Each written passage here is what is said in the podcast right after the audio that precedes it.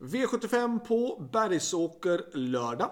Vad ska vi tänka på den här omgången? Jo, vi ska tänka på att det är barfotaförbud. Alla hästarna går med skor. Och att det är första gången för vintern som de flesta hästarna antagligen också även tävlar med broddskor. Påverkar det? Ja, eh, det påverkar med broddar. Om de inte är van att gå med broddar utan det är precis... Ja, vi kunde se till exempel i V86 i onsdags på Åby. Då på mina hästar av ren säkerhetsåtgärd så gjorde jag så att de fick gå med broddskor. Och en, det låter kanske lite ologiskt men en häst som får för mycket fäste eh, kan få mjölksyra på grund av det. De, det liksom blir väldigt tungsprunget och de är inte van med det. De kan dra på sig mjölksyra tack vare det. Eh, de hästarna som tävlade utan broddskor på Åby i onsdags. De gick väldigt, väldigt, väldigt bra. De gick fortare och bättre. Eh, så att det är inte alltid en fördel bara för att de skruvar i broddarna utan det kan vara så en stor nackdel om de inte är van att gå med broddskor. Nu skulle jag tro att de flesta hästarna som är norr om, och de flesta hästarna i den här omgången är ju norr om Gävle kan man säga ändå. Ehm, stationerade och då har de säkerligen haft broddskor ett litet tag och vant sig vid det. Men det är ändå värt att beakta ehm, hästar som är vana att gå barfota och ser plötsligt ska de gå med broddskor. Men vi börjar med den första avdelningen och det är ett diamantstorförsök och jag tycker vi ska plocka med mig lite hästar. Vi ska ta med nummer två Navona, 3 Bellatrix Club, 6 Kia Ora, 12 IS Elisabeth och 14 Santi Griff. Skulle vilja plocka med nummer 8 Graces Candy men jag har valt att plocka bort den dels för att den har gått utan skor och eh, att den har ett lite knivigt utgångsläge men den är ju då nästa häst in på systemet annars. V75 2 2 Grand Canyon Sisu är hårt betrodd. Eh, jag vill ta med nummer 6 Torondor, min egentränade häst, för jag tycker att han är bra. Vad som talar emot Torondor, det är väl att han, eh, han har haft broddskor på sig några dagar, men eh, han är inte jättevan vid det. Han brukar normalt sett tävla barfota bak, han ska gå med skor. Och det är voltstart. Och det är han inte heller jättevan med på slutet. Vi har försökt undvika voltstart med honom. Men han är bra i form och han eh, har gått väldigt bra de sista loppen. Ehm, jag väljer att gardera helt enkelt. Det är klart att två ska rankas etta, men jag väljer att ha två stycken hästar i och med att jag är så pass nöjd med Torondor.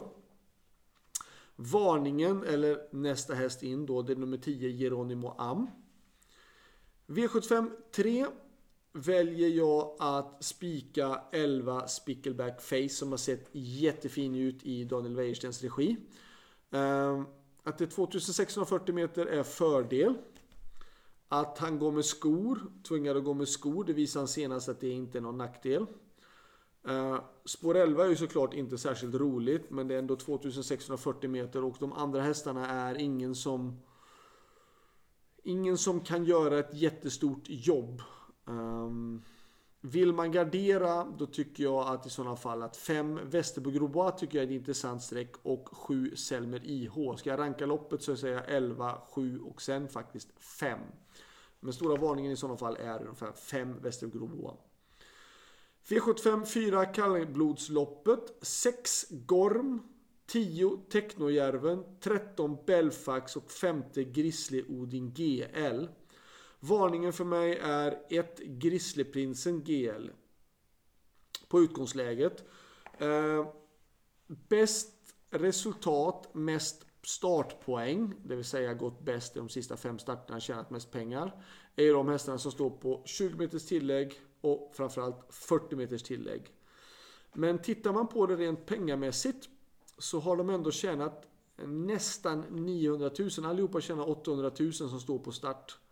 Medans de som står på 20 meters tillägg som normalt sett ska ha typ nästan tre gånger så mycket när man står 20 meters tillägg.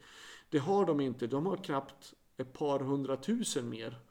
Det skiljer kanske inte jättemycket mellan dem, men det står 20 meters skillnad på dem och det kan vara värt att beakta ändå. Även om de har varit mycket bättre så kan det ändå vara så att de hästar som står på start kan springa en ganska så skaplig tid och kan vara värt att passa upp för. Men de bästa hästarna är de här som står på 20-40 meters tillägg. 6, 10, 13 och 15. V75 5.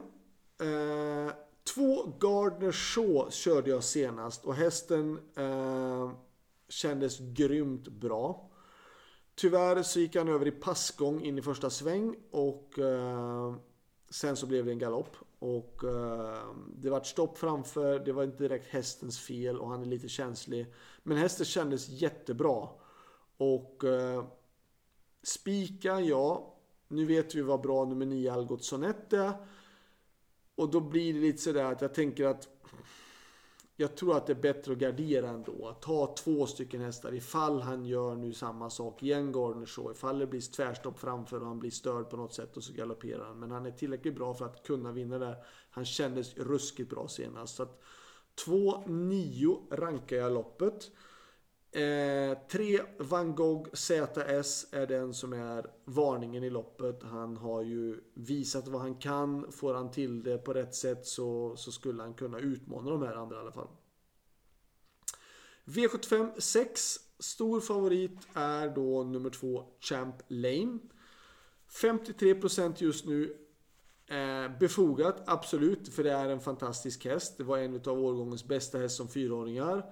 Eh, möter inte någonting överkomligt, oöverkomligt heter det väl, i den här gången heller. Men har blivit en total ändring i och med att han har blivit nedstuken till innerspår.